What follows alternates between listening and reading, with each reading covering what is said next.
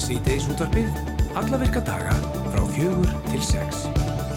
Og það eru Valur Grettisson, Rafnhildur Haldósdóttir og Guðrún Dís Emilsdóttir sem að stýra þetta dagsins. Já, og gleðilegt ár. Já. Góður hlustendur. Gleðilegt ár. Og þið, bæði. Já, gleðilegt ár. Við erum svo heppin að tilkynna hér um nýjan liðsmann í sittiðsútöfnu. Já, það er ekki hverjum degi og það er svo viðegandi að sé svona í upphafi árs. Já. Meira um Val Grettisson hér á eftir. En uh, landin settist niður eins og alltaf á gamlarskvöld og horfið á áramótaskaupið. En hvað fannst hlustendum okkur um skaupið í ár? Við ætlum að opna fyrir síman og eftir og vonumst til að heyri ykkur og fá ykkar skoðun á því. Það er, maður sér á samfélagsmiðlum að það er misjátt. Það fór misjaflega onni í landan. Já, er það ekki alltaf þannig? Jú, Já, en við viljum endilega fá líflegar umræður hérna og eftir um það og reikna með þetta verði svona cirka kannski 20 myndur í 5. Já, 5, 6, 8, 7, 1, 2, 3, þeir sem ætla að ringja. Við ætlum að fara næst yfir Jón Gunnarsson, Þingmann, er Jón. Gunnarsson, heyrðu, þið, þið greif mig í bólunum þar, ég var svo áhugað saman um þetta allt saman. Herri, Jón Gunnarsson, þingmaður sjálfstæðiflokksins, verður á línunni hjá okkur í þættinum en hann gaggrinir aðgerraleysi ríkistofnarinnar í orkumólum. Orkuskortur blasir við hans mati ef ekkert að verður að gert. Hann segir forsættisir á þeirra enn og einu sinni reyna að tefja málið með tali um að móta orkustefnu til framtíðar. Þá segir Jón að hann beri ekkert tröst í ríkistofnarinnar, ekkert. Við tölum við Jón á eftir. Já. Og ekki er útlitt fyrir það að hægt verða að afleta rýming á seyðisfyrði í dag og uh, það er þó ekki talið að það þarf að koma til frekar í rýmingar. Flóð hafa fallið í öðrum fjörðum eistra en þó ekki byggð og við ætlum að ringja austur og heyra í Hildi Þórisdóttir. Uh, hún er íbúið á seyðisfyrði og sveitinstönda fulltrú í Múlaþengi. Ég bara spurja hann út í stöðuna í, í bænum og hvernig bæjarbúar hafið það við þessar aðstæður. Um þetta. Síðar í vikunni nánar tiltekið á fymtudaginn þá verður aðgengilegi í sjómarpi Símans nýleikin íslensk þáttaröð sem nefnist kennarastofan og hugmyndasmiði þáttana Jón Gunnar Gerdal, hann þarf að koma til okkur eftir ásand Valdima Víðisinni skólastjóra og verðandi bæjastjóri Hafnafyrði en serían er að stórun hluta byggð á uh, karakter Valdimars og við ætlum að fræðast meira um þetta hér á eftir þegar kíkja til okkur í heimsókn. Já, fá sér kaffibotla með okkur. Já.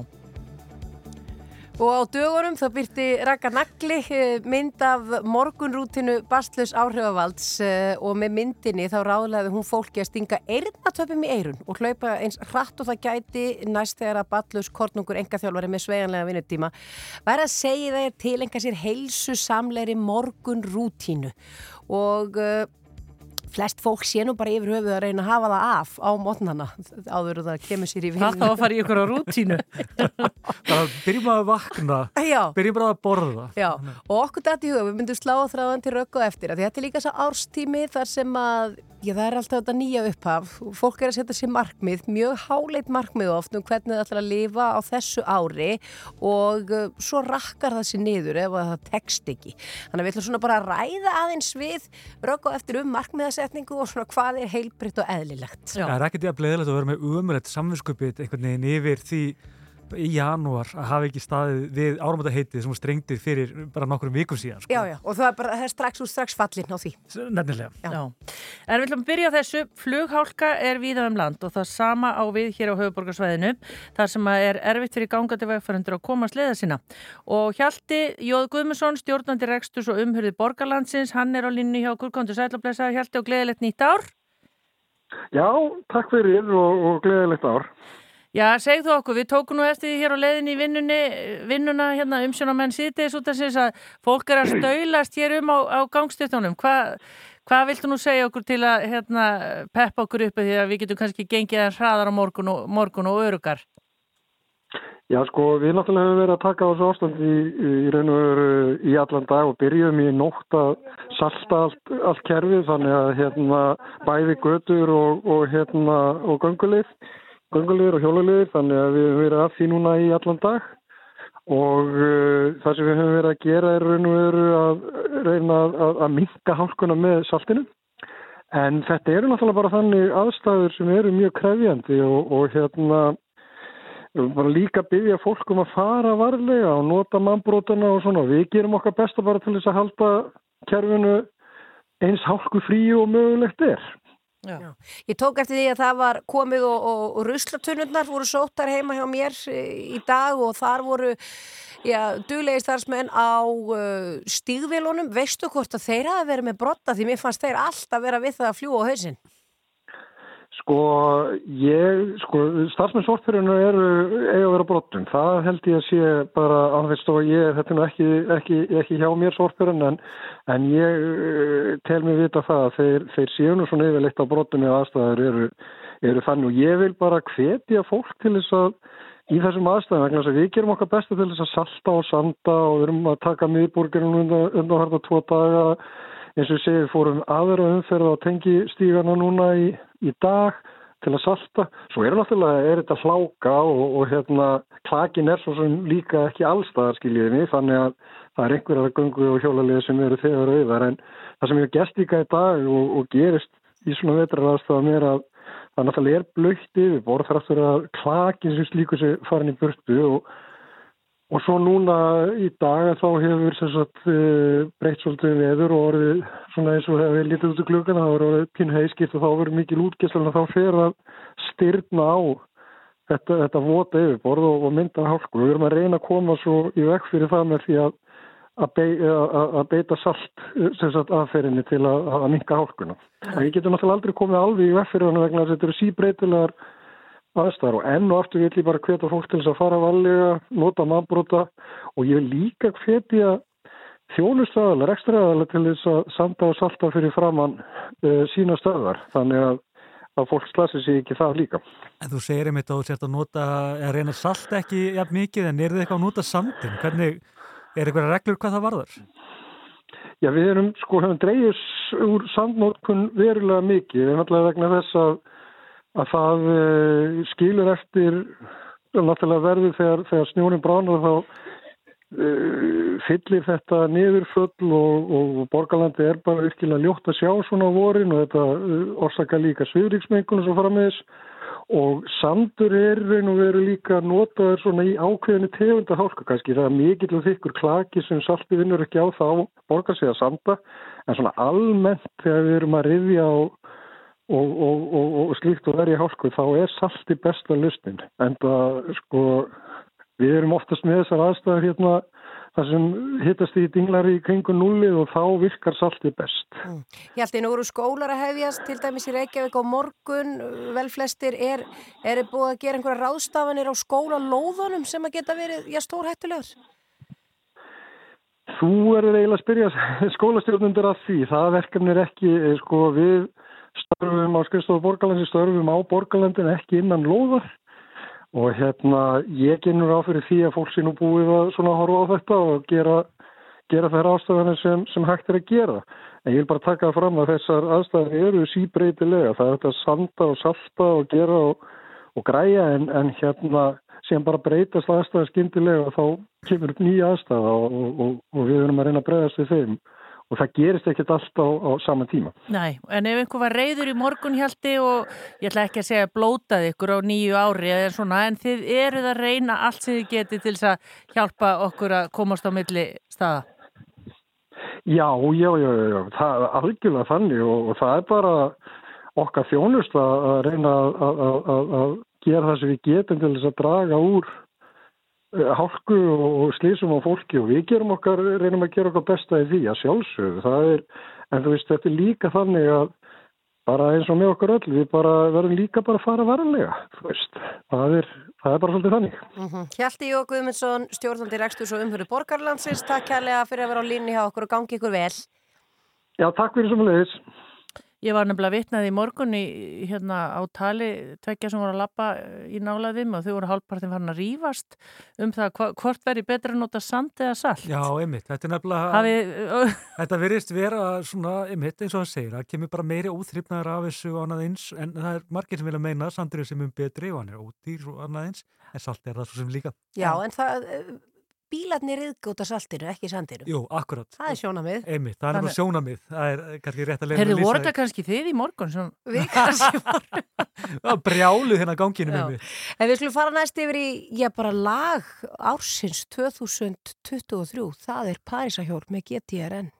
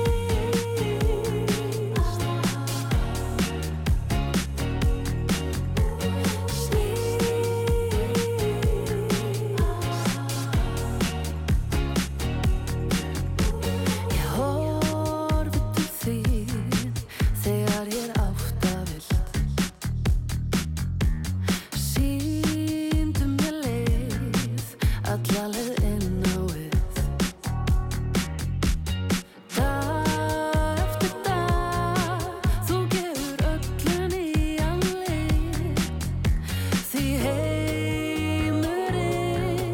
Hann snýstir hringi kringum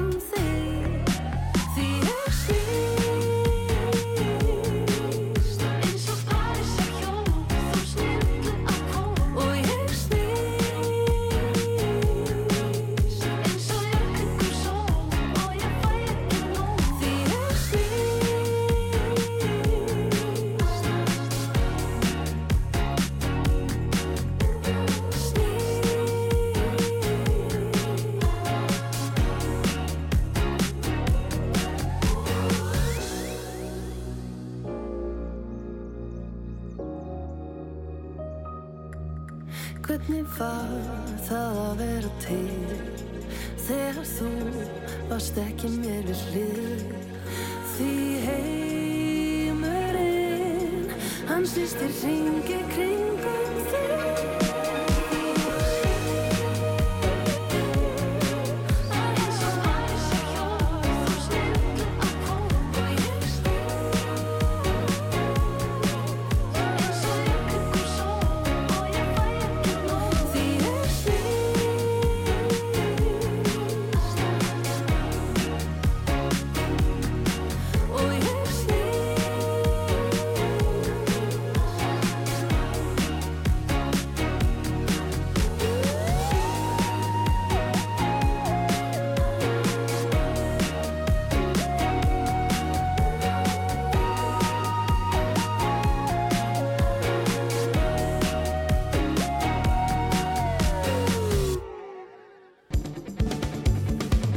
Jón Gunnarsson, þingmaður sjálfstæðiflokksins, verður á línunni hjá okkur og hann er þetta ákomin á línuna og hann gaggrinir aðgerraleysi ríkisórnarinnar í orkumálum.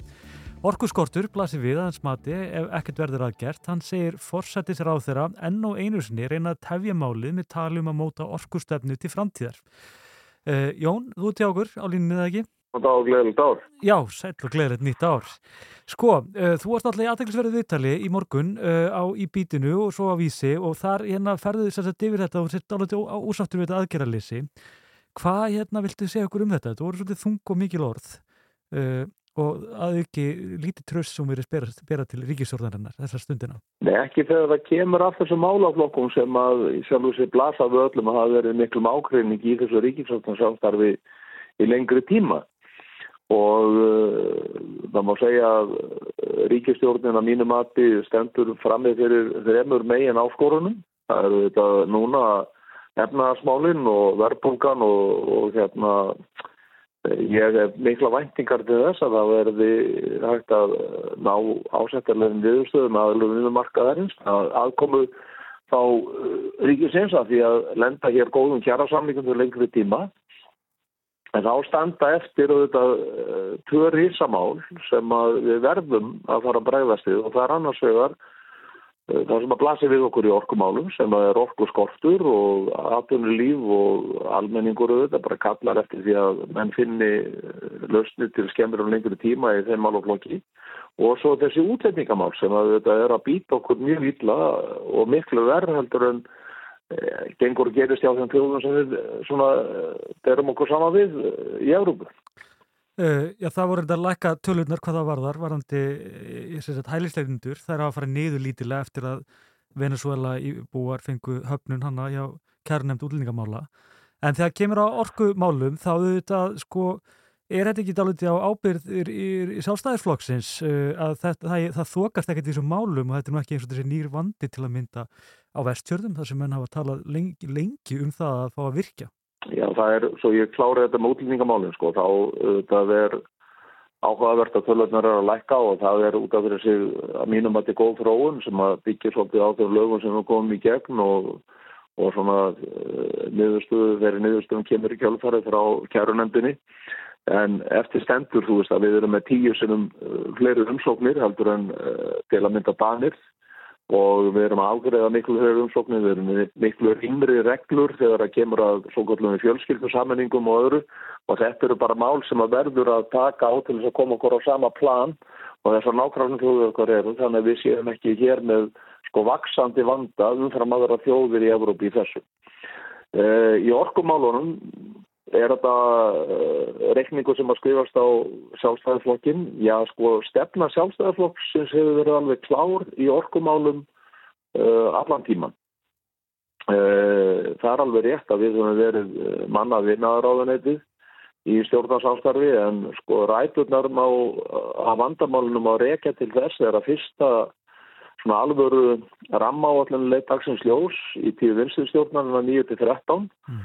Og, og þar var nú Össur Skarpiðarsson ráð þeirra sem að skrifaði bók sem að gáði 2013 um árið rekans sem var árið 2012 í þeirri ríkistjórn þar sem að kemur svo fram hvernig þá er þetta ríkistjórnarflokkar samfélking og vinsturgaræðin véluðu um þessi orkumál og rammaáallum þannig að það voru orkukostir teknir út úr nýtingarflokki sem að verkefnarstjórn hafi þá undir fórustu Svanfríða Jónastóttur gert tilugum að þær er nýtingaflokk. Þeir voru teknir út úr nýtingaflokki af Svanfríðsafstóttur og settir í byggðflokk og það samþýtti samfélgningin á þeim tíma gegn því að viðraði við aðelta viðraði við Európa-sambandi geta haldið áfram.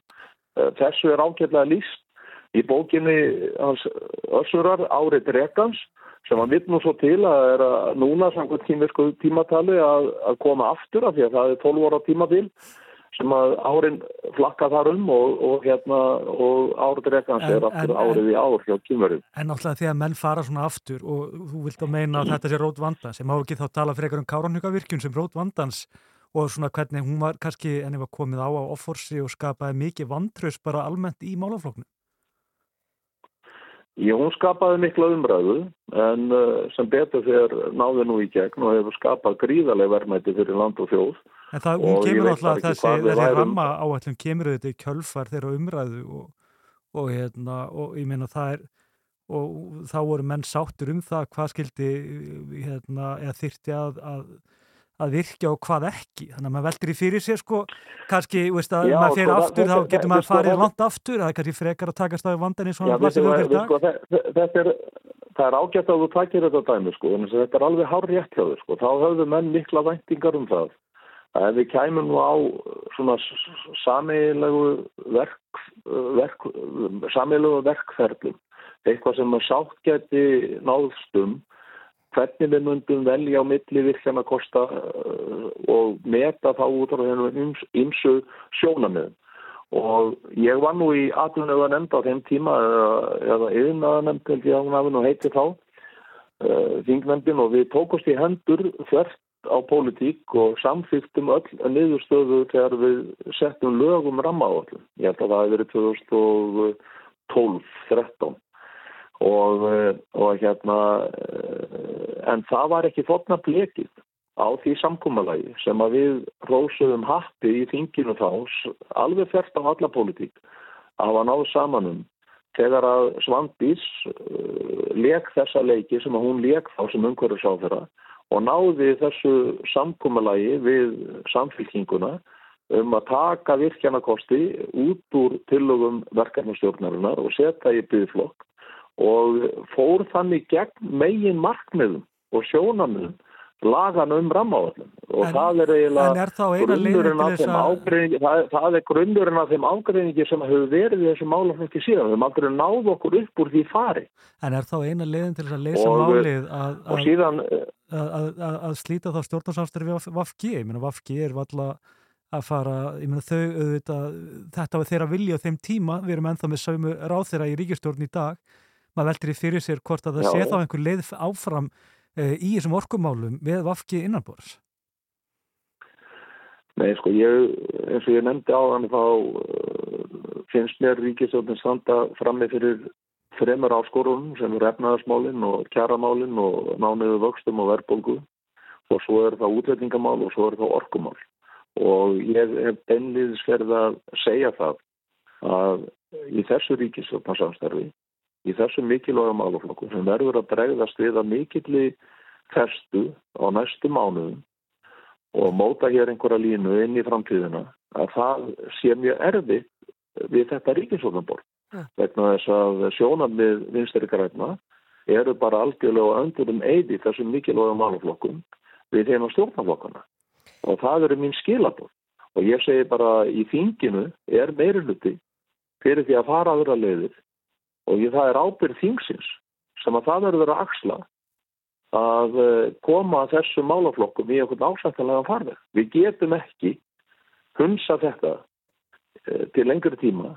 Við getum ekki sko nálgast þetta með þeim hætti sem að fórsetur sá þegar að bóða því ég viðtalið sem ég las við hana að uh, það þurfa að fara að gera einhverja nýja orkustefnu fyrir Ísland. Það er búið að gera ótalskíslur á þessum 10-12 árum og þetta liggur allt saman fyrir. Þetta er allt upp á borðum, ákalla atvinnulífsins, orkufyrirtækjana og núna almenningslokksins sem að vaknar við uh, það hver staðan er orðin, er að við klárum þessi mál.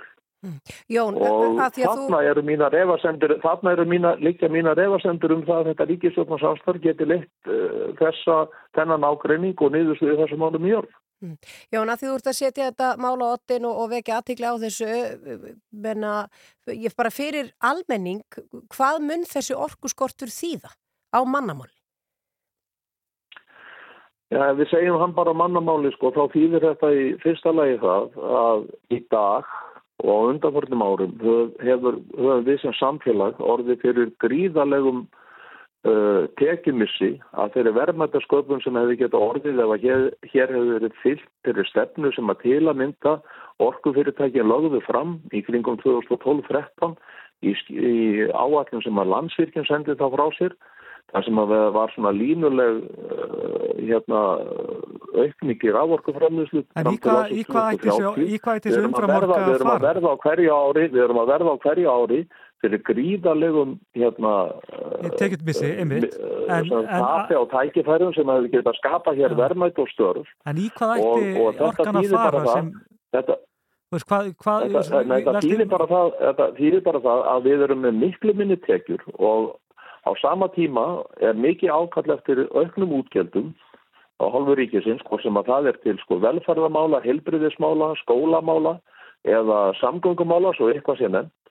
Og eh, það sem að þetta snýst um í mínum huga er að stakka kökuna sem að við hefum meiri tækifæri og orkan okkar er augljóslega sko okkar forskot frá aðra þjóði til þess að stakka þjóðakökuna til þess að við getum sinn þessu mikilvæga málaflokkum eins og fólk vill að við sinnuðum án þess að vera sko að auka skattheimtu á bæði atvinnulíf og einstaklinga í samfélaginu.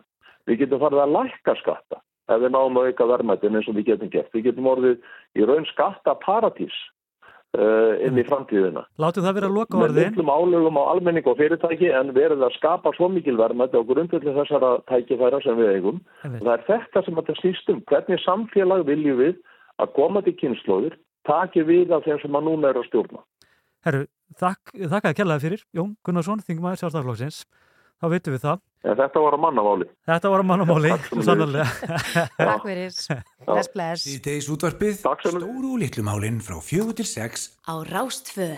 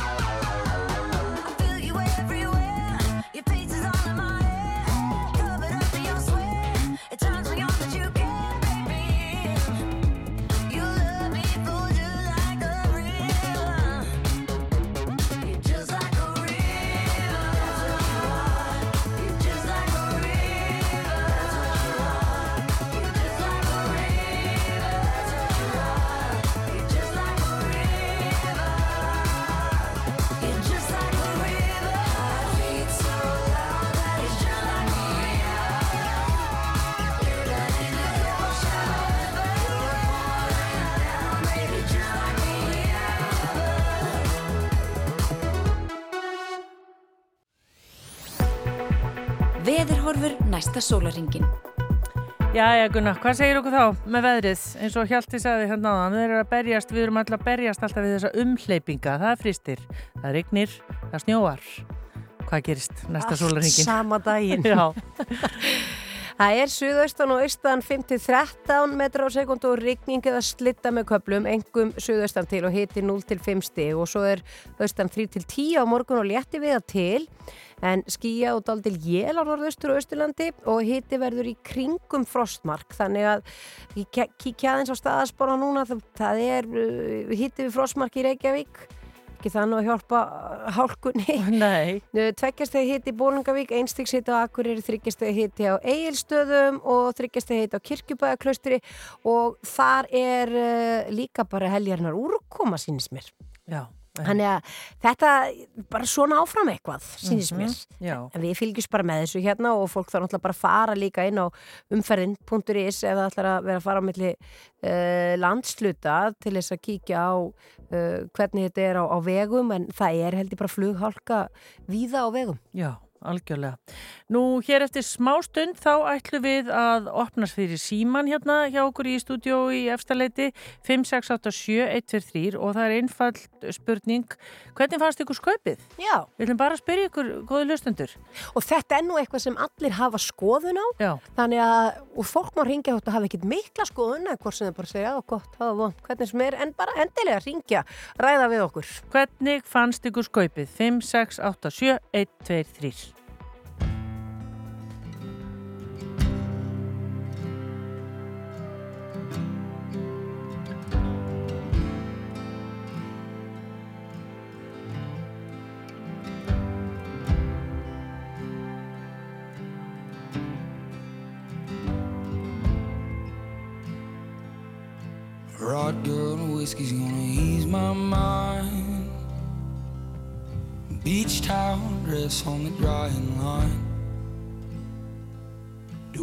Remind you of your daddy in his 88 Ford?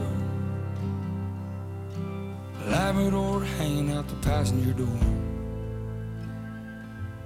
The sand from your hair is blowing in my eyes. Blame it on the beach, grown men don't cry. Do you remember that beat down basement couch? I'd sing you my love songs and you'd tell me about how your mama ran off and pawned her ring. I remember, I remember everything. A cold shoulder,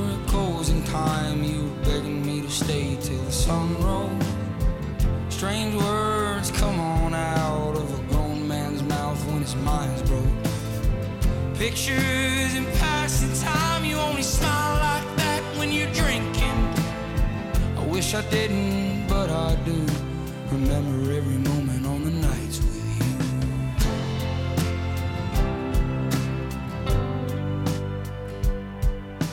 You're drinking everything to ease your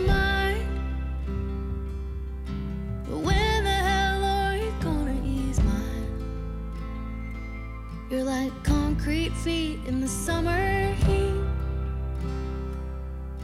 It burns like hell when two souls meet.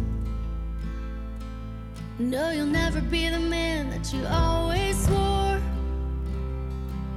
But I remember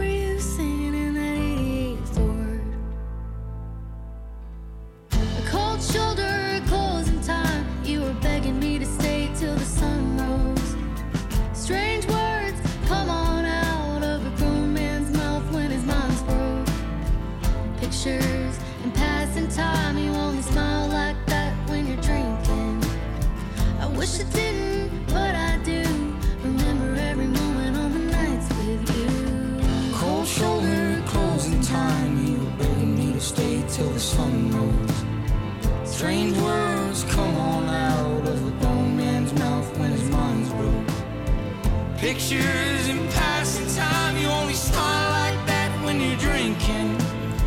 I wish I didn't, but I do. Remember every moment on the nights with you.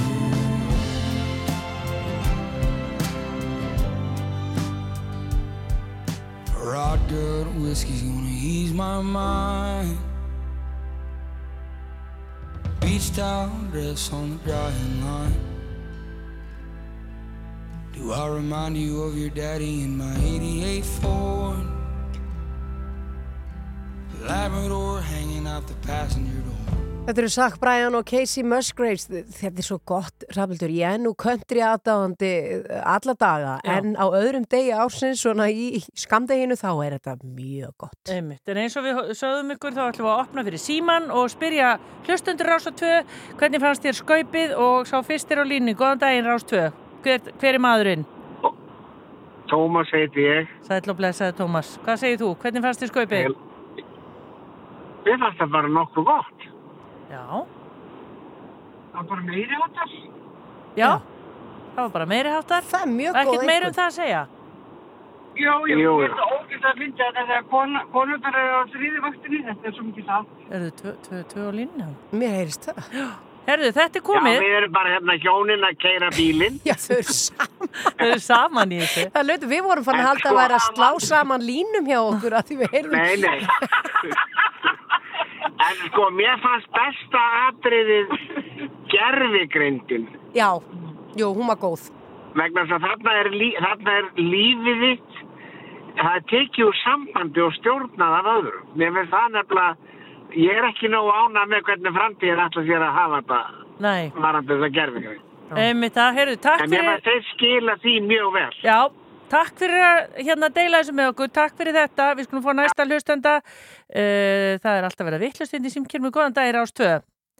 Uh, halló? Er ykkur á línni? Góðan daginn.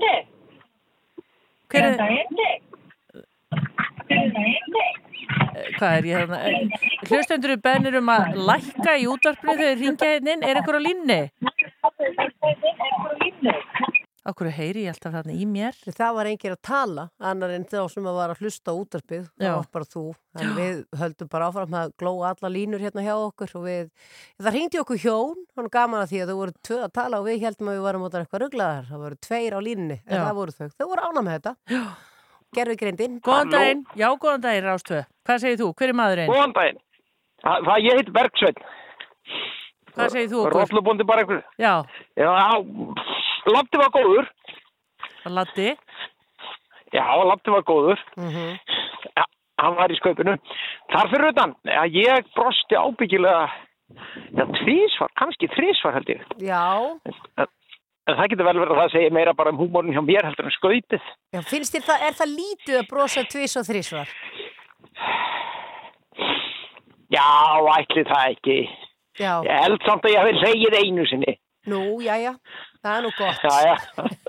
Nei, þetta var allt í lagi. Þetta var allt í lagi. Þetta var ekki besta skaup í heimi. En þetta var allavega, það var svona aðeins bugstofu húmor í þessu. Það var svona aðeins ádeiláð í því. Þannig að mér fannst þetta allt í lagi. Já, það er nú gott að heyra.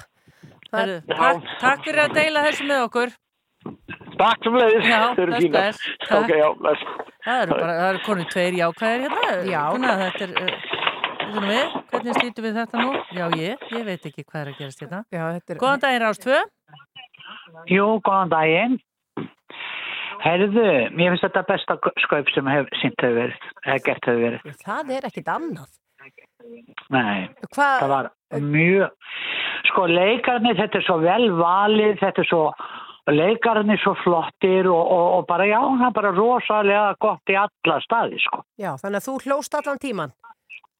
Nei, ég saði, segði það aldrei og, og hún var náttúrulega ekkert að hlæja svo rosalega mikið en brosa. Já, já, það er gott, það er gott. Já, Þannig að þú ert sátt. mjög. Já. Takk fyrir þetta. Já. Bless, bless. Já, það eru bara ótrúlega margir að reyna að láta okkur vita hvernig þið fannst skaupið. Sjáum hverju hér. Góðan daginn Rástvö.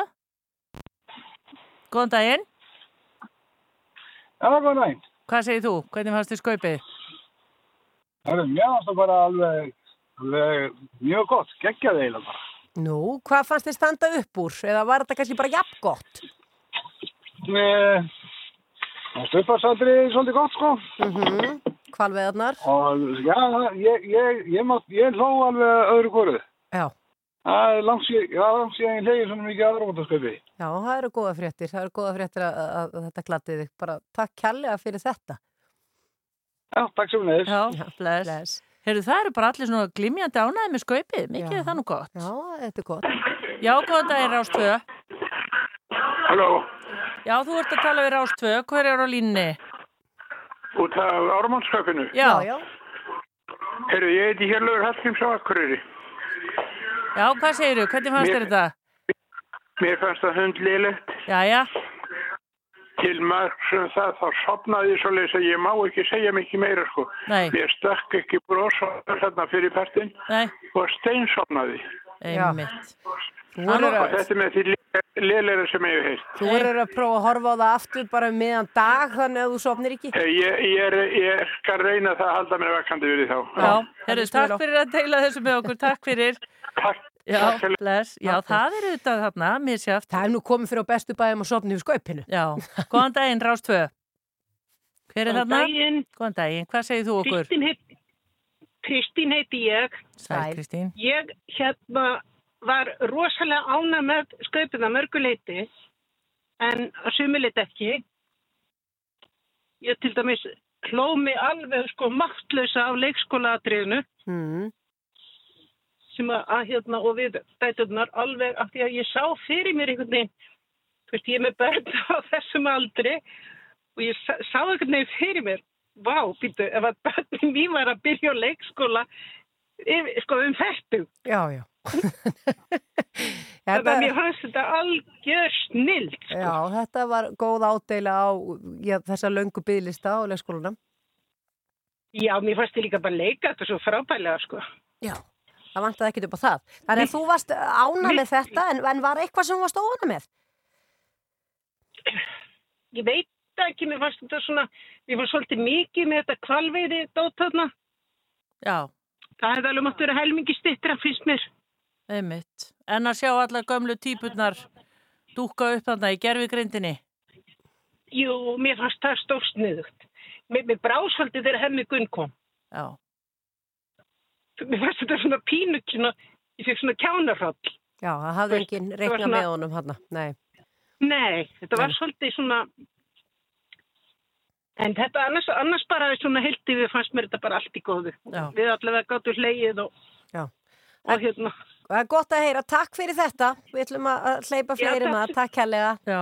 Takk fyrir. Ef við værim að telja atkvæðinguna þá eru fleiri komnir hérna jákvæðir heldur en neikvæðir. Já, það er, það er margir ánægði með þetta. Rás tökkuðan dag. Já, góðan daginn, Steini hér. Þetta var umrulegt skaup. Nei, ég er að tjóka. Þið voru bara svo hissa hvað allir var jákaðar eitthvað. Ég hef búin að ákveða þið getur ekki þetta mótis.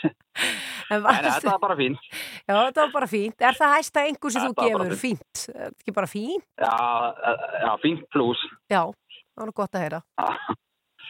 Ég er bara ánægð með þetta. Takk fyrir. Takk fyrir að ringja. Blessaður. Það var að stríða okkur þessi. Nú léttur á steini. Já, 5, 6, 8 og 7, 1, 2, 3. Ég, eins og ég segi, við erum ekki alveg búin að hafa þetta í hérna, einhverju Excel-skjali hérna, en það eru flestir sem að ringt hafa hingað inn. Góðan daginn, Rástvö. Já, góðan daginn. Hvað segir þú okkur? Hvernig varst þið skaupið?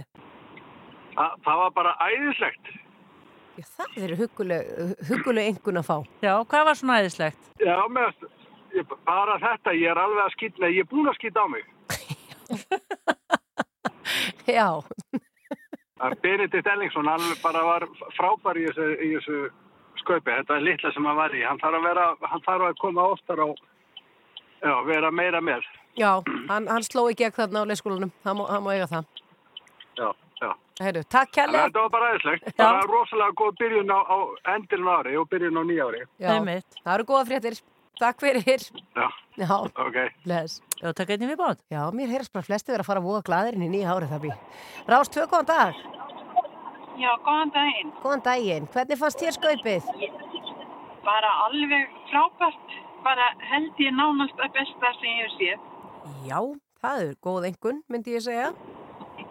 Já. Hmm. Þannig að þú varst bara, Já, já. sáttu þetta allt saman og fannst lokalægið, varstu hrifin að lokalæginu, þannig margir sem býð alltaf spenntir eftir því. Já, já, já, já. já. Þetta Já. var allt bara mjög góð. Já, það eru góða fréttir. Þannig að þú fór, fórst hlæjandinn í nýja árið. Já, já, já, já. Já, þeir eru bara takk kærlega fyrir þetta.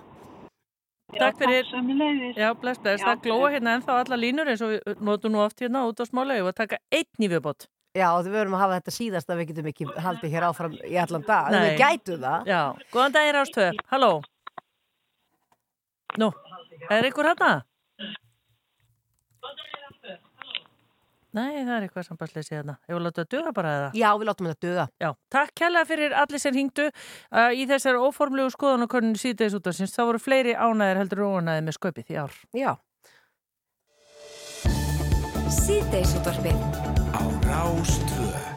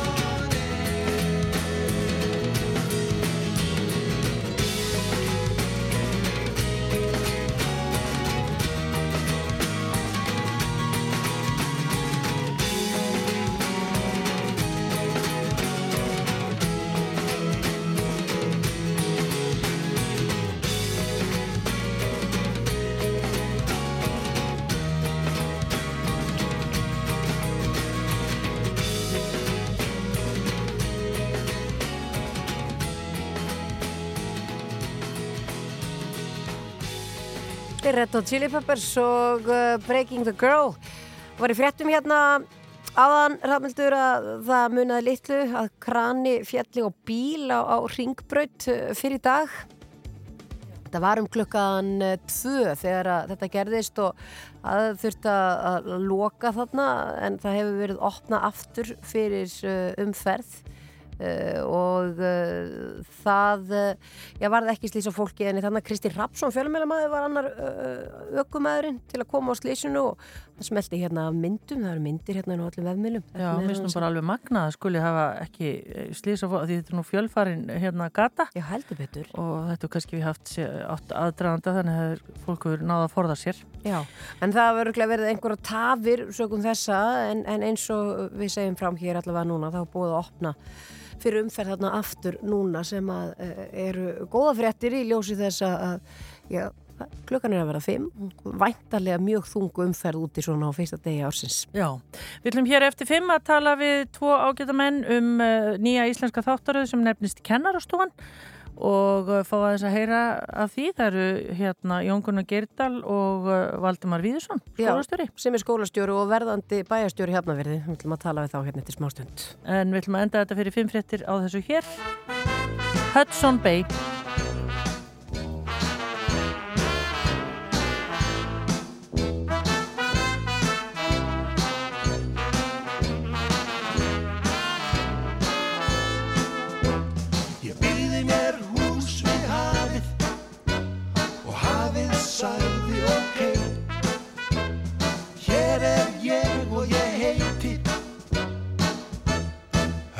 Hudson Bay Í kvöldsins hægláta húmi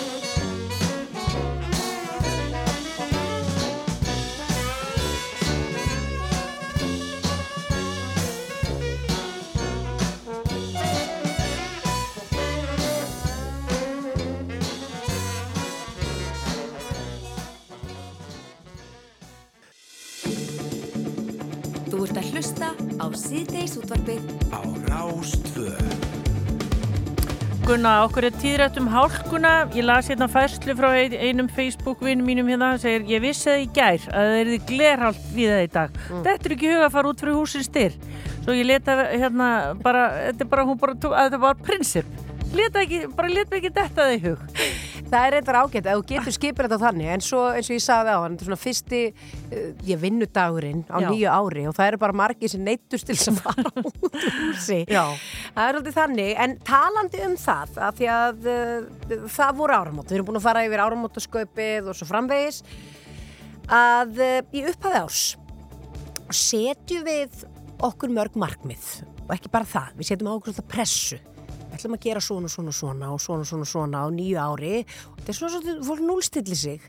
Og ein, fyrir einhverja, þú veist, þá bara veldur þetta fólki kvíða að það þurfi að betrumbæta sig og einhvern veginn breyta til og svo kannski texta ekki. Svo maður setur sér allt og háleitt markmið og svo rennur maður á rassin með þau og þá líður maður bara kannski ennver þannig að ég veit ekki. Við erum svona aðeins að velta þessu fyrir okkur og við lásum svo skemmtilega fæslu sem að Raka Nagli setti inn á dögunum. Þar var áhrifavaldur að lýsa morgunrútínunni sinni. Já. þetta var heillöng rútína fáum rökull að útskýra það allt sem fyrir okkur eftir Bara jafnlaung og húðrútínan sem gengur á TikTok. sko húðrútína ungra stúlkna á hvenna er náttúrulega orðin alveg svakaleg þannig að einmitt þegar maður setur bara vatn í þvottaboka og þú er sér í framan þá líður maður sem að sé að mannrækja húðina en já hún var álíka Já. þessi, þessi rútína Já. Og uh, hún verður að segja okkur betur frá þessu eftir uh, af því að hún var svona að skjóta á það bara að flestir eiga nú bara nóg með það að vakna mótnana, busta tennurnar, borða smá morgumat, koma öllum út úr húsi áður en þau þurfa að halda til vinnu þannig að menni ekki að svona tala sér niður fyrir það að ná ekki að gera allt það sem að þessi ungi árhauðvaldu gerir áður en að fer.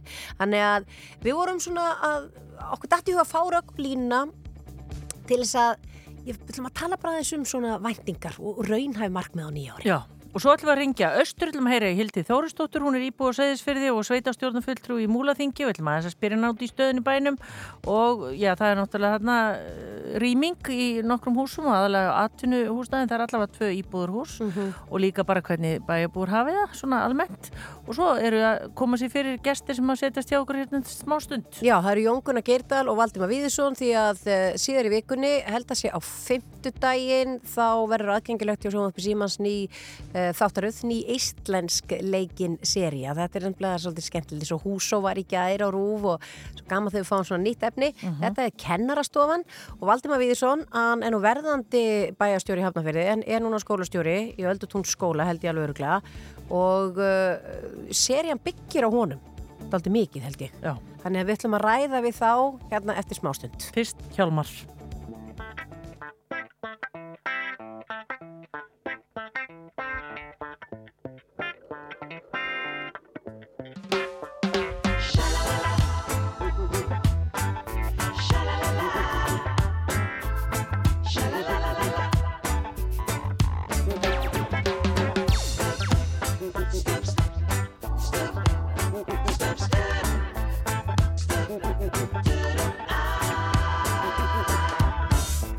þessa trommu og tegð á hana skinn. Veldu þér svo vísu og vektu mannskapinn. Stringdu hár í hörpu og hafðu þína raust. Þessi heitu hjörtu hamast skiliðis löst Þetta er allt sem ég óska mér. Að ég geti glaðst hér með þér áhyggjur, þetta fer allt vel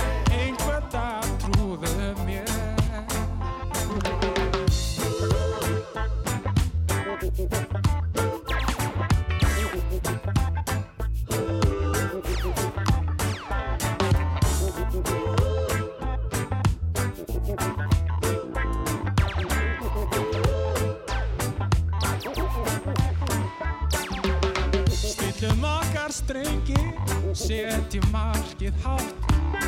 Lifum vel og lengi, þá leiðist okkur það. Hafi ég á hendi, heimsins bestu spil. Sorgirna þá sendi í svartan myrkan hér Þetta er allt sem ég óska mér. Að ég geti glast hér með þér áhyggjur, þetta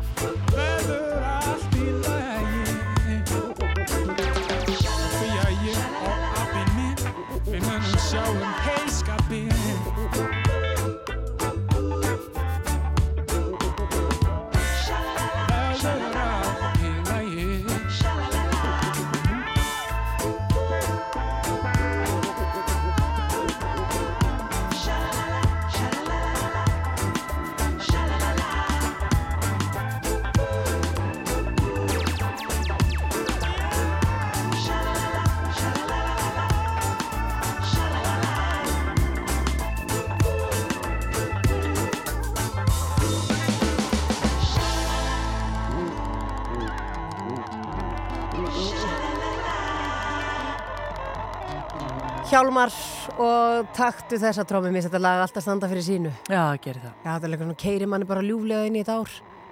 Við ætlum að fara að uh, tala um leikið Íslenskt sjónvasefni það það sem er ánægilegt uh, það er svona skapa svolítið hefð fyrir því uh, í kringu jól og áramóta það kemur eitthvað svona nýtt íslenskt leikið.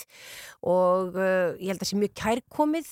Janúar er svona svolítið þingum mánuður hjá fólki. Það er að segja að það vill bara sitja og hafa það hugulegt og býður svolítið svona eftir að, eftir að, að sólinn hækja á lofti. Og síðar í vikunni eh, ég held að sé á fimmtudaginn strákarnir verður bara leirætti með að það er ekki rétt eh, þá verður aðgengilegt á sjónvarpi Símans ný Heyr, heyr. Já, og hér er komin hugmyndarsmiður þessara þátta og væntalega þú lítur að skrifa þetta, Jón. Jó, ég skrifi þetta líka með hérna Kristóferi Dignus, Já. sálufélaga mínum í þessum sköpun, heimi. Já, og fyrir þá sem ekki þekkja þá er þetta Jón Gunnar Geirdal sem er að tala hérna akkurat núna. Takk fyrir kærlega. Og Karin Björg Eifjörð sem að skrifar held ég allt nema fréttinnar á Ríkissjónspunni. Hún skrifaði þess að venlið fólk, uh, arfin minn með okkur Dignusi Mhm. og var í skaupshófnum og er snillingur. En við þrjú sem að skrifa þetta, Dignus leikstýri líka. Þannig að, já, hérna, hugmynd sem kviknaði hjá mér fyrir já, nokkuð mörgum árum síðan. Og það kannski útskýrir sessunaut minn. Já, var það þegar að sessunautuðinn sem er að Valdima Viðisson, skólastjóri í Öldu Túnskóla, ekki rétt? Jú, jú, já, já. já. jú, jú. Uh, og verandi bæjarstjóri hafnafæra, við höfum búin að segja frá því líka uh, var það þegar hann kom rittarinn og hvíta hestinu inn í þessa fjölskyldu að þú hugsaðir, er það ég verið að gera seríu með mann? Já, þetta er svona, það er smá baksa, þannig að hann sést máu minn Valdimar Víðsson, þessi, þessi hérna, mæti maður sem er einmitt að taka, verða bæjarstjóri í Hafnafyrir eftir ár, formaði bæjar í dag Já, já, og skólastjóri. búin að vera skólastjóri í 20 ár, eða ekki? Jú, jú, 20 ár, ég var 24 ára skólastjóri, ég kend aldrei, sko. Ég var bara skólastjóri um leið, sko. og bara beint í þetta og var náttúrulega, sérst, Karin Björg sem skrifar þetta með okkur, hún var nefnandiðinn á Grinning Já, já. En hún tengist líka hann inn og, og Jónguna var reglulega ósku eftir svona einhverjum að ég þykir svolítið sérkennlega stundum, sko. Svona einhverju taktar sem eru uh, einkennlegir og hann var ósku eftir sögum og fleira, þetta var orðið það mikið, hann var bara að koma sér einhvern veginn frá sér, þannig að hún víst lauslega byggð skólastjórin í, í, í kennarastofinni Valdís á, á mér, sem sagt, Já, Valdimar. ég sneri hérna hluturkonum við sérst, þannig að Katla Margrét leikur skólastjóran Valdísi Jónsdóttur sem er að koma tilbaka í Eirar skóla sem er bara einhver óræður uh, grunnskóla á höfbruksvæðinum og hún er að koma úr námsleifi kulnun innan gæsaleppa eins og, eins og útgýrt er hérna í fyrsta þættim og, hérna, og skólinn er svona hennar hennar svona öryggisstaður, henni líður vel þar. Mm. þetta er hennar, hennar vívöllur svolítið, og heimavöllur. Og, og þetta er svona serja svona eða muni eftir Office eða Parks and Recreation. Þetta er svona þröngur heimur, hann við erum aldrei að fara heim til neins, við erum alltaf bara í skólanum. Þannig að alltaf ramað í kringum fólk í lífið þess, eins og við þekkjum öll. Það legur inn í veggi skólans og áhrundið fær svolítið að vera að fluga á vegg í kennarastofunni sem ánáttúrulega ekki heita kennarastofa sem að Valdimar kannski getur Já, útsett það, þetta er náttúrulega svo mikið, tíminn er að breysa svo mikið, það er fleiri kennarar í skóla, sko, Já. en það er bara kaffistofa starfsmanna, en kennarastofa var svona þetta gamla nafn á kaffistofan í, í gamla dag. Má það semst ekki lengur heita þetta? Nei, kennarastofa? ja, sko, ekki má, þetta er bara, tímannir breytast bara út í það, að, að það er orðið svo mikið af allt, allt öðrum starfsmönnum í grunnskóla heldur en var. Þetta Má ekki þ- móðga neitt, Nei, sko. Þroska þjálfur,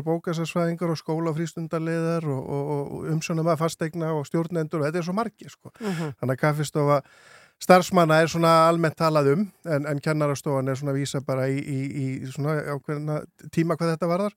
En það er líka svo gaman að í þessari séri, ég er nú búin að sjá þess að fyrstu tvo þætti að, að við erum öll, allir börn, und fólk, fullornir og, og, og eldra fólk og annað muni tengja við eitthvað vegna þess að það voru allir í grunnskóla og, og tengja þá við eitthvað karaktera sem enn kynntust í skóla sjálfur, íþróttakennarinn og skólaliðin og ritarinn og svo framvegis. Þannig að menn sjá svona alls konar karaktera sem ég vissum að eiginlega allir sem horfa á þessa seríu geta tengt einhvern veginn við. Og á hvaða tímabili á þetta að vera? Er Þetta er skrifa- bara að gerist bara í dag Já. og hún var bara, hérna, þessi bara á fyrstu mínútum í fyrsta þætti þá var hún að koma aftur til, til starfa og þannig er litrikt karaktergalleri og fyrir mér svona, og Valdamældi getur staðfest að grunnskólar eða skóla fyrir mér er svolítið svona, eins og, svolítið svona svo smábær út á landi þannig er það vita allir allt um alla það er allir fullkomlega meðvirkir með öllum en inn kemur nýji tónmentakennarin sömarliði sem að Sverri Þó Sverrisson Sveppi, stór, stórkunning ykkar og okkar, leikur hann náttúrulega er ekki með, með, hérna, meðvirkum með neinum og hann þekkir engan aðna og hann bara byrjar að hrista eins upp í þessu. Og svo í gegnum sex þætti reynir Valdís sem að kalla líkur að,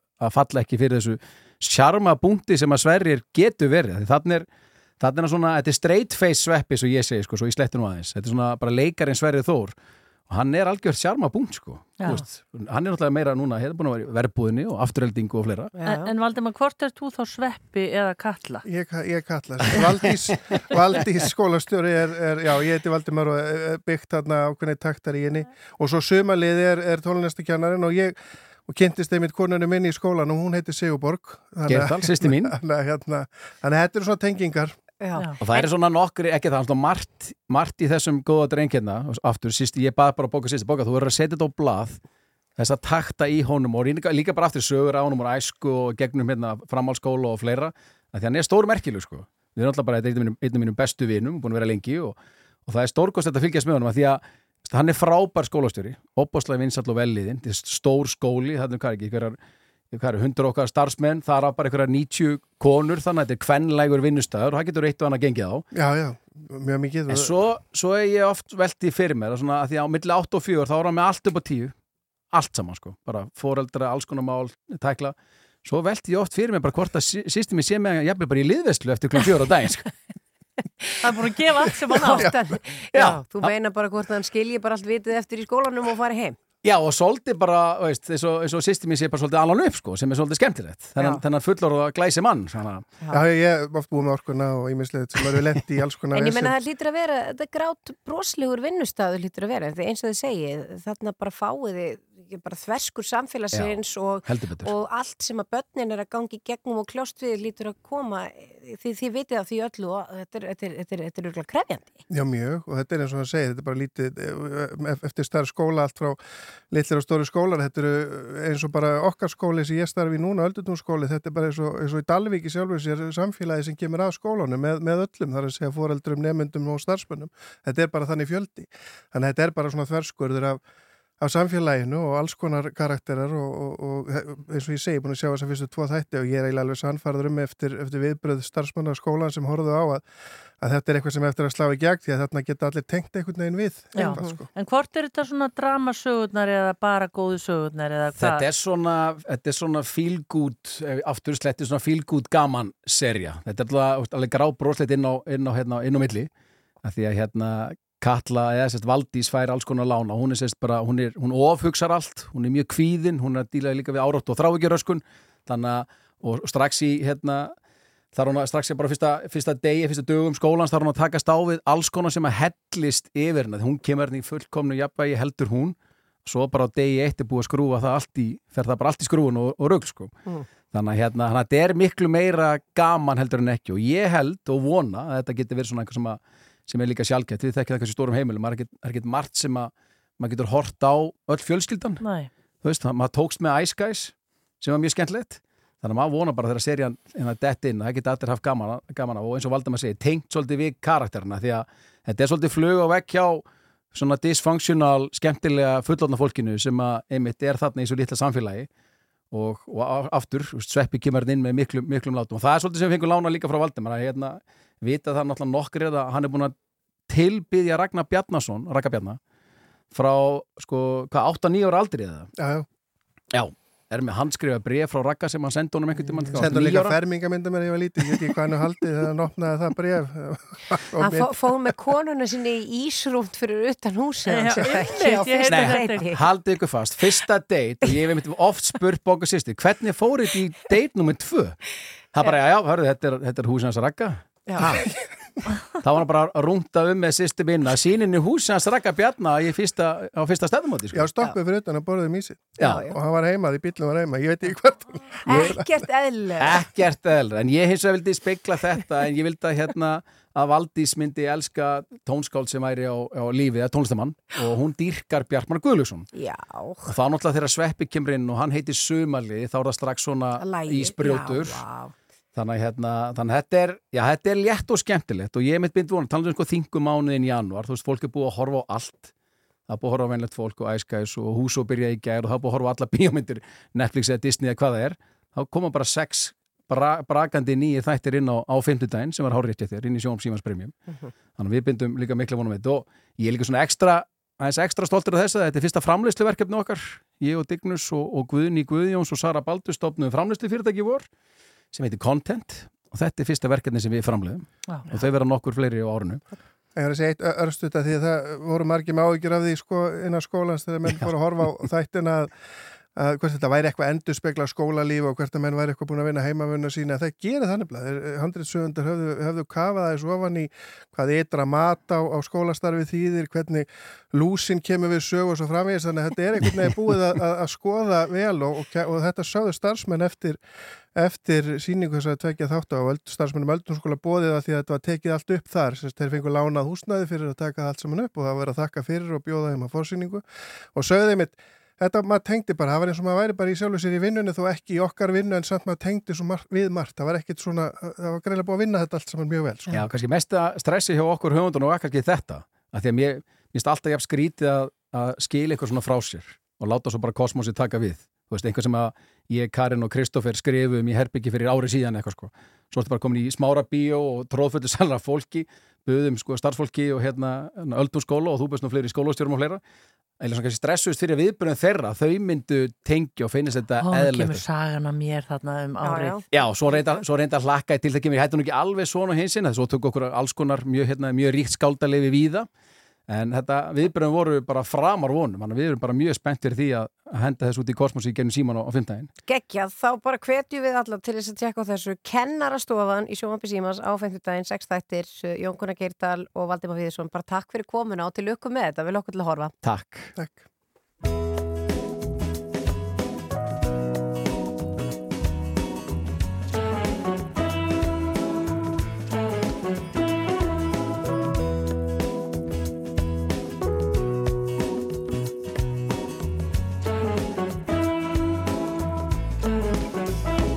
Láttu deginn síga. Þótt þúnt virðist myrkrið því með opnum huga. Þá fljótlega byrtir með gleðina í hjarta. Þú þrautirnar vinnur, það ég segi sakta Þannig róbrátt þú finnur, hamingin er Handan við hornið, það hversir, það rignir En það sittir alltaf upp og lignir Það hversir, það rignir En það sittir alltaf upp og lignir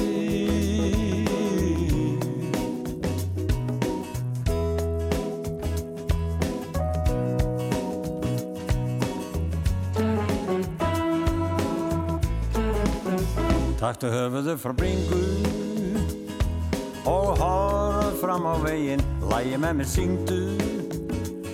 Saman lýsum upp daginn með jákvæðni á vopni. Þú djöflana kveður og þannig kemst á toppinn. Þar sem áfram þú dvelur, hamingjan er. Handan við hornið, það hversi, það rignir. En það stýttir alltaf upp og lignir Það hversir, það rignir. En það stýttir alltaf upp og lignir. Þú veist að vel, jafnvel og ég að bros getur dimm í dagsljós breytt Ég minna má þá starrend á að brosið það kostar ekki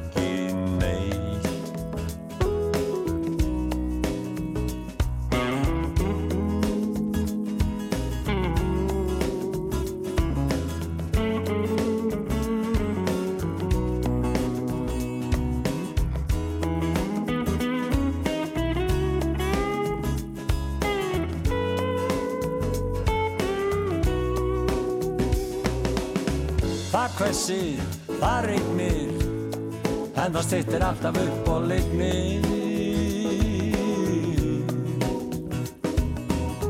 Það hvessir, það rignir En það stýttir alltaf upp og lignir Þú veist að vel, jafnvel og ég Að getur dimm í dagsljós breytt ég minna má þá starrend á að brosið það kostar ekki neitt. Það hvessir, það rignir, en það stýttir alltaf upp og lignir. Það hvessir, það rignir, en það stýttir alltaf upp og lignir. Það hvessir, það rignir En það stýttir alltaf upp og lignir Það hvessir, það rignir En það stýttir alltaf upp og lignir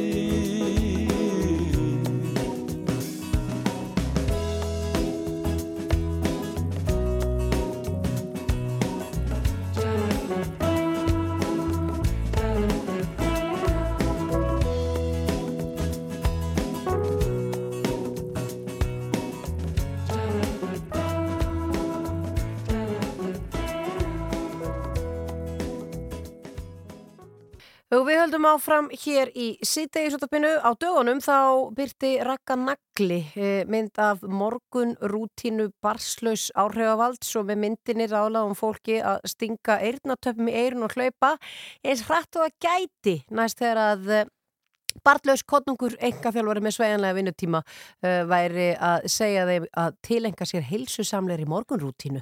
Og við ákvaðum að slá þráðin til hennar röggu bæði til þess að ræða þetta við hana og það hvað hún sá þarna og hvernig þessi morgunrútína var. Og svo líka bara svona um áramót þá er fólk ofta að uh, með væntinga til nýja ársins setja sér einhver, uh, hvað maður segja einhver markmið Já. sem að jafnvel er ekki alveg nú raunsæ og verður þá fyrir vonbröðu með sjálft sig. Og kontur sæl og blessur Raka og gleðilegt nýtt ár.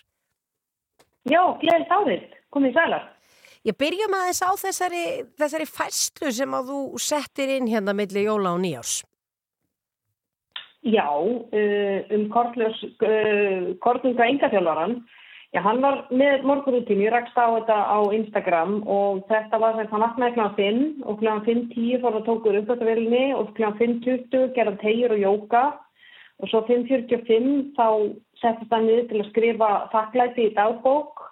Í millitími þá kveikt hann á gufunni sem hann var auðvitað með út í gardi hjá sér og svo las hann pínlítið, hendur sér svo í gufuna, fór í kalta styrst og eftir, bjóð síðan um rúmið, sér kaffi í róleitunum og svo fekk hann sér morgunverð.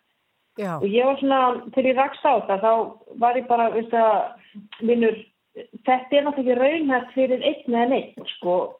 Ég, ég sjálf á ég nú ekki börn, en ég menn þessi rútína væri alltaf ekki raunhægt fyrir mig. Og hvað þá fólk sem er með, í fullri vinnu með, jafnvel, tvö-trú börn sem að fara að koma að staði í skólan og, æmið það þetta bara svona skilabóð, þetta er bara vera að vekja skömm hjá fólki, veist, að, að, að ég er ekki að ná þessu eins og þessi, þannig ég er þá er þá ekki heilsusamlega, er ég þá ekki þitt, þetta, verður svona þessi pressa að falla inn í eitthvað mót og að ef þú master ekki morgunin að þá einhvern veginn sé dagurinn ekki rúli dag, dagurinn ekki eins vel og sem að ég finnst svona að vera raung skilabóð. Já, og eins og þú ert að segja þetta með það, að, þessi skömm, getur það verið að áramótin, sumir setir sér strengja áramóta heit og, og ætla sér að gera alls konar, hvað sem það mun takast eða ekki og svo er aðri sem að bara ætla ekki strengja nein áramóta heit en fá samt kannski þá móral yfir því að ætla ekki að verða betri manneskja. Upplifum við skömm á þessum árstíma? Já, sko, þessi ástími er náttúrulega, sko, þetta er nýjásheit, uh, við, við svona fylgir þessari, þessari herð að strengja nýjásheit, nýja árið, svona hefur þörf með sér svona einhvers konar enduníun hjá okkur oft og enduníun á sjálfinu og, og, og þessi nýjásheit eru náttúrulega, sko, rannsóknir sína að um 65% hætta við nýjáseitin sín á innan við mánuði og það eru svona cirka 85-90% sem eru hættir við þau svona þegar valentínsadagur gengur í garð. Já. Þannig að, að það er svona eh, það sem við sjáum úr, úr rannsóknum. Oft er það vegna þess að mjög sveitin eru, þau eru alltaf stór, þau eru alltaf mikil og, og uh, það að ég ætla að missa 10 kíló. Svo byrja fólk að vera opforsi, yfirleitt sko alltaf mikið, þegar það er farið alveg frá 0 til 100 bara á fyrstu vikonum og það hefur bara fyrir með sér að þú veist, við tökum bara svona líkamlega markmið að, að þú veist, líkamlega verið þreyttur, það er harsteraður, þú veist, rosa svangur, þú veist, og þá verður þetta mjög letjandi og við náttúrulega stjórnum ekki hvernig skrokkurinn bregst við, þannig að þegar árangurinn þessi lætar á sig standa, þá er það líka letjandi til áframhalds.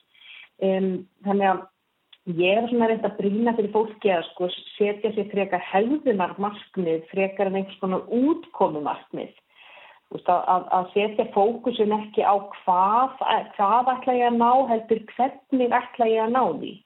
Og þá erum við að tala um að sko útkoman sér um sjálf ef að við sinnum þessari hegðun. Hmm. Og það getur verið, þú veist, við getur verið með útkomumarkmið sem er ég ætla að missa 10 kíló og það er það áttavitin sem stýrir hegðunum í réttan, réttan farveg. Þannig að við fókusum á hvernig ætla ég að gera það og, og svona spólum aðeins tilbaka hvað þarf ég að gera til þess að ná því? Og þá getur við sett bara svona fókusin á bara eitthvað svona daglega vennjur sem að munu skil okkur á áfangastað, þú veist, að lifta lóðum, trýsa fjórslunum viku, fara í daglega göngur, reyna ná svona þessum 8.000, kannski 10.000 skrefum, þú veist, verið í svona daglegu hreyfingu sem að kallið er svona NEAT á ennsku, Non-Exercise Activity Thermogenesis, til þess að vera mjög nákvæm með það. E, þú veist, drekka meira vatn, fara, þú veist, sofa í 8 tíma, reyna að fara að snemma sofa, um, þú veist, borða reglulega máltíð í daginn, þrýsa fjólsinu, þetta þetta er svona mjög auðvitað ínáanleg hegðun sem að ef að ég haka svona í einhverja þessum bóksum að þá mun það skila þér. Uh, og síðan er annað sem að rannsóknum sína vel að það er það sem við, við kvartum svona á, á ennsku intention implementation eða þess að svona ætlum og framkvæmt og, og þegar að fólk er svona látið gera einhvers konar markmið að, að þá virðist það skila sér þeirri í trefalt meiri svona hendni við, við hegðun. Til dæmis þegar eh, fólk er um, sagt að, að æfa, sérst, æfa þrýsari viku, að sumir fá, það er einn skemmtilega átt í til dæmis í fyrirlefnum hjá mér, að það voru þrýr hópar sem voru bortnið saman einn hópurinn hann uh, fekk að sjá svona kvartningamindband um það hvað æfingar skila miklu fyrir líkamann. Uh, annar hópurinn var bara svona kontrólhópur og, og síðan var þriðji hópurinn sem átt að skrifa niður. Ég mun fara í rættina klukkan tíu á lögadaginn með sikkur vinkonu þetta er svona það sem að sko hvernig lítur hegðunin út í framkvæmt hvenar ætla ég að framkama, þá áum sér stað í tím og rúmi og það fólk, það 90% af þeim voru ennþá að, að, að æfa þegar hóparnir voru skoðaðir uh, þreymur mánuðu setna en hinn er tveir hóparnir hafa ekki um að 30%. Mm, Þannig að við erum trefað líkleri ef við skrifum niður og ákveðum og erum síðan með plan B. Hvað er við kemst ekki á lögadaginn klukkan 10 í spinning með sykkuð? Ok, þá mun ég fara klukka 12 á sunnudaginn í bodypump með Gunnar minni mín. Þú veist, að við erum því það komið með backup plan því að það koma lífið en úr kanni, það hendur í okkur hindrunum á þess að, á þess að við byggjum um það. Já, þannig heldur þú að þessi sko áhrifavaldur á Instagram, hann er örugglega bara döð þreyttur klukkan half átta. Ég meina, hann gerir ekki mikið meira þennan daginn.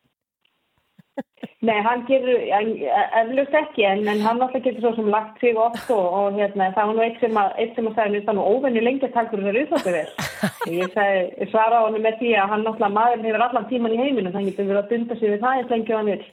En, en það var eitt svona byggur, byggur fylgjandi minn sem að setti niður sína morgunrútínu sem að var hansi góð, 5.00, vakna ekki, 5.10, sofa lengur, 5.30, sofa meira, 5.43 fyrsti krakki kemur upp í rúm og treður tannum upp í nefið á mér þannig að þetta var svona það var mjög skemmtilegt hvernig hann útlýstaði svona raunhæfar í en þetta er mjög gaglegt, Raka, þetta er það einmitt breyta frekar hegðun, svo verður útkoman vonandi einhvern veginn eins og við sjáum fyrir okkur og svo kannski mögulega einmitt eins og þú segir, gefa hegðunni tíma og rúm, bóka sér í tíma þarna og svo framvegis. Þetta, þetta hljómar allt saman mjög vel.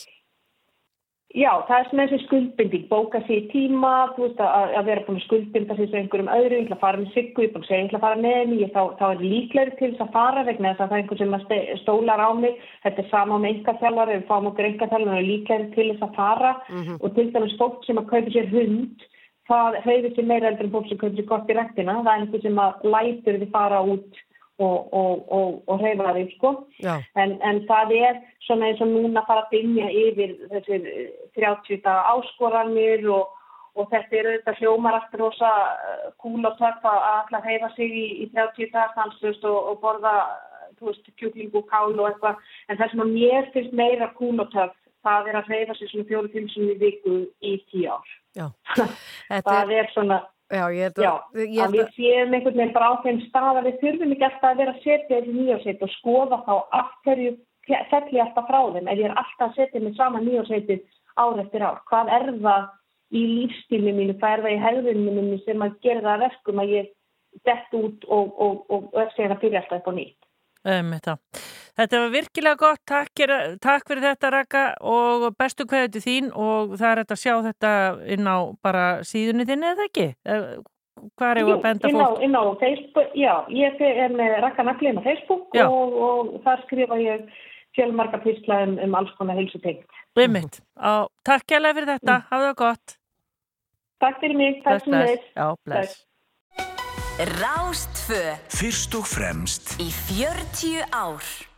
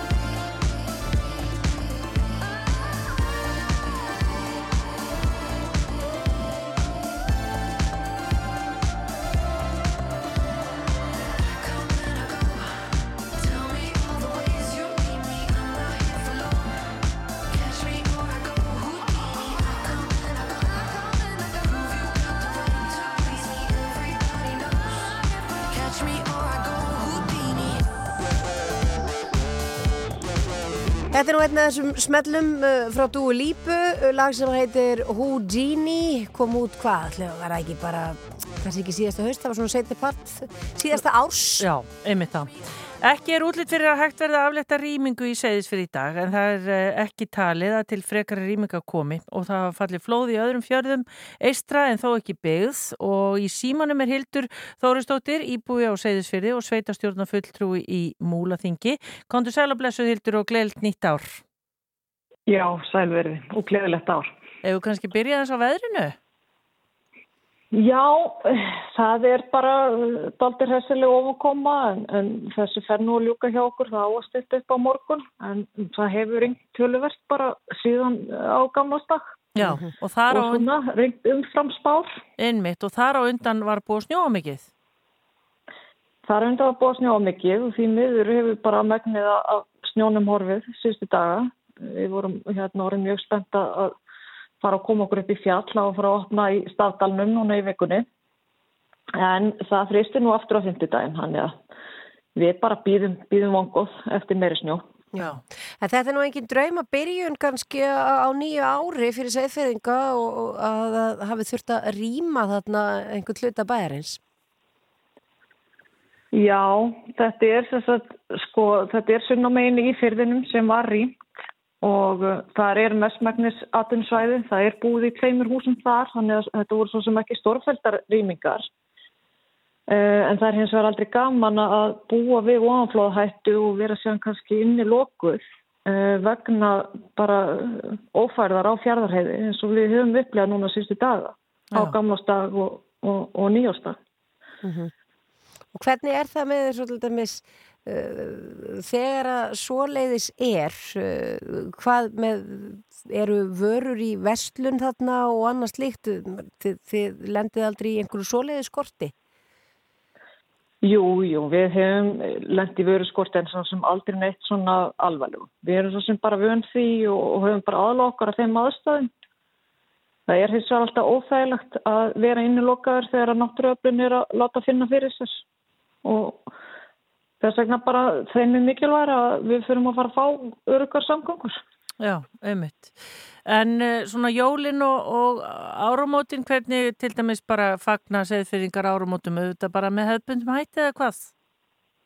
Jú, jú, jú, bara með hefðbundum hætti. Það var svo sem viðra ekkert mjög vel til að, sprengja upp á gamlas en menn leti það nú ekki mikið stoppa sáf. Nei. Við erum náttúrulega sprengja óð eins og bara Íslendingar eru almennt. Þannig að áramótin fóri bara mjög vel fram, bara að vanda. Já. En eh, hafið þið fengið einhverja fregnir af því hvenar á að skoða það hvort það verði hægt að aflétta rýmingu? Er það bara uh, tekið stað á því aftur í fyrramálið? Það verður tekið staðan eftir kvöldmatt uh, en ég svona á ekkert vona neinu breytingu fyrir en á morgun.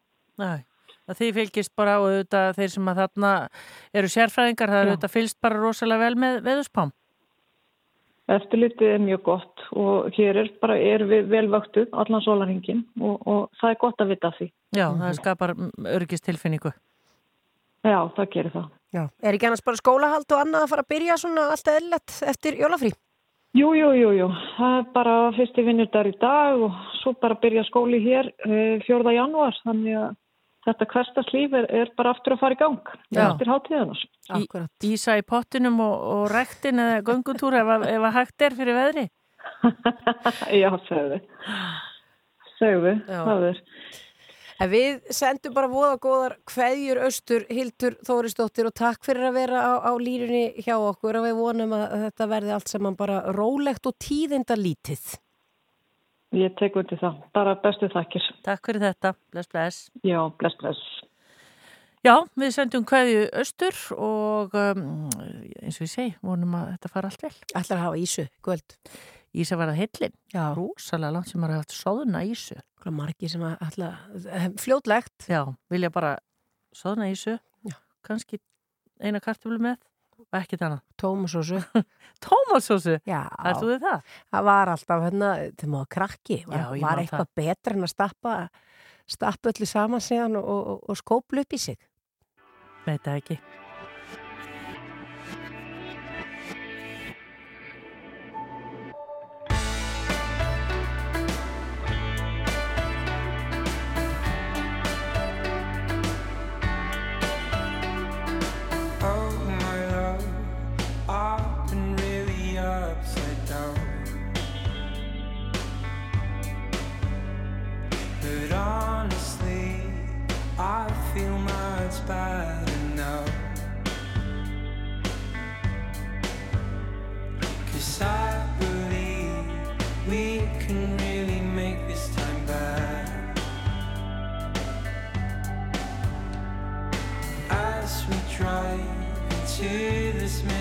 Time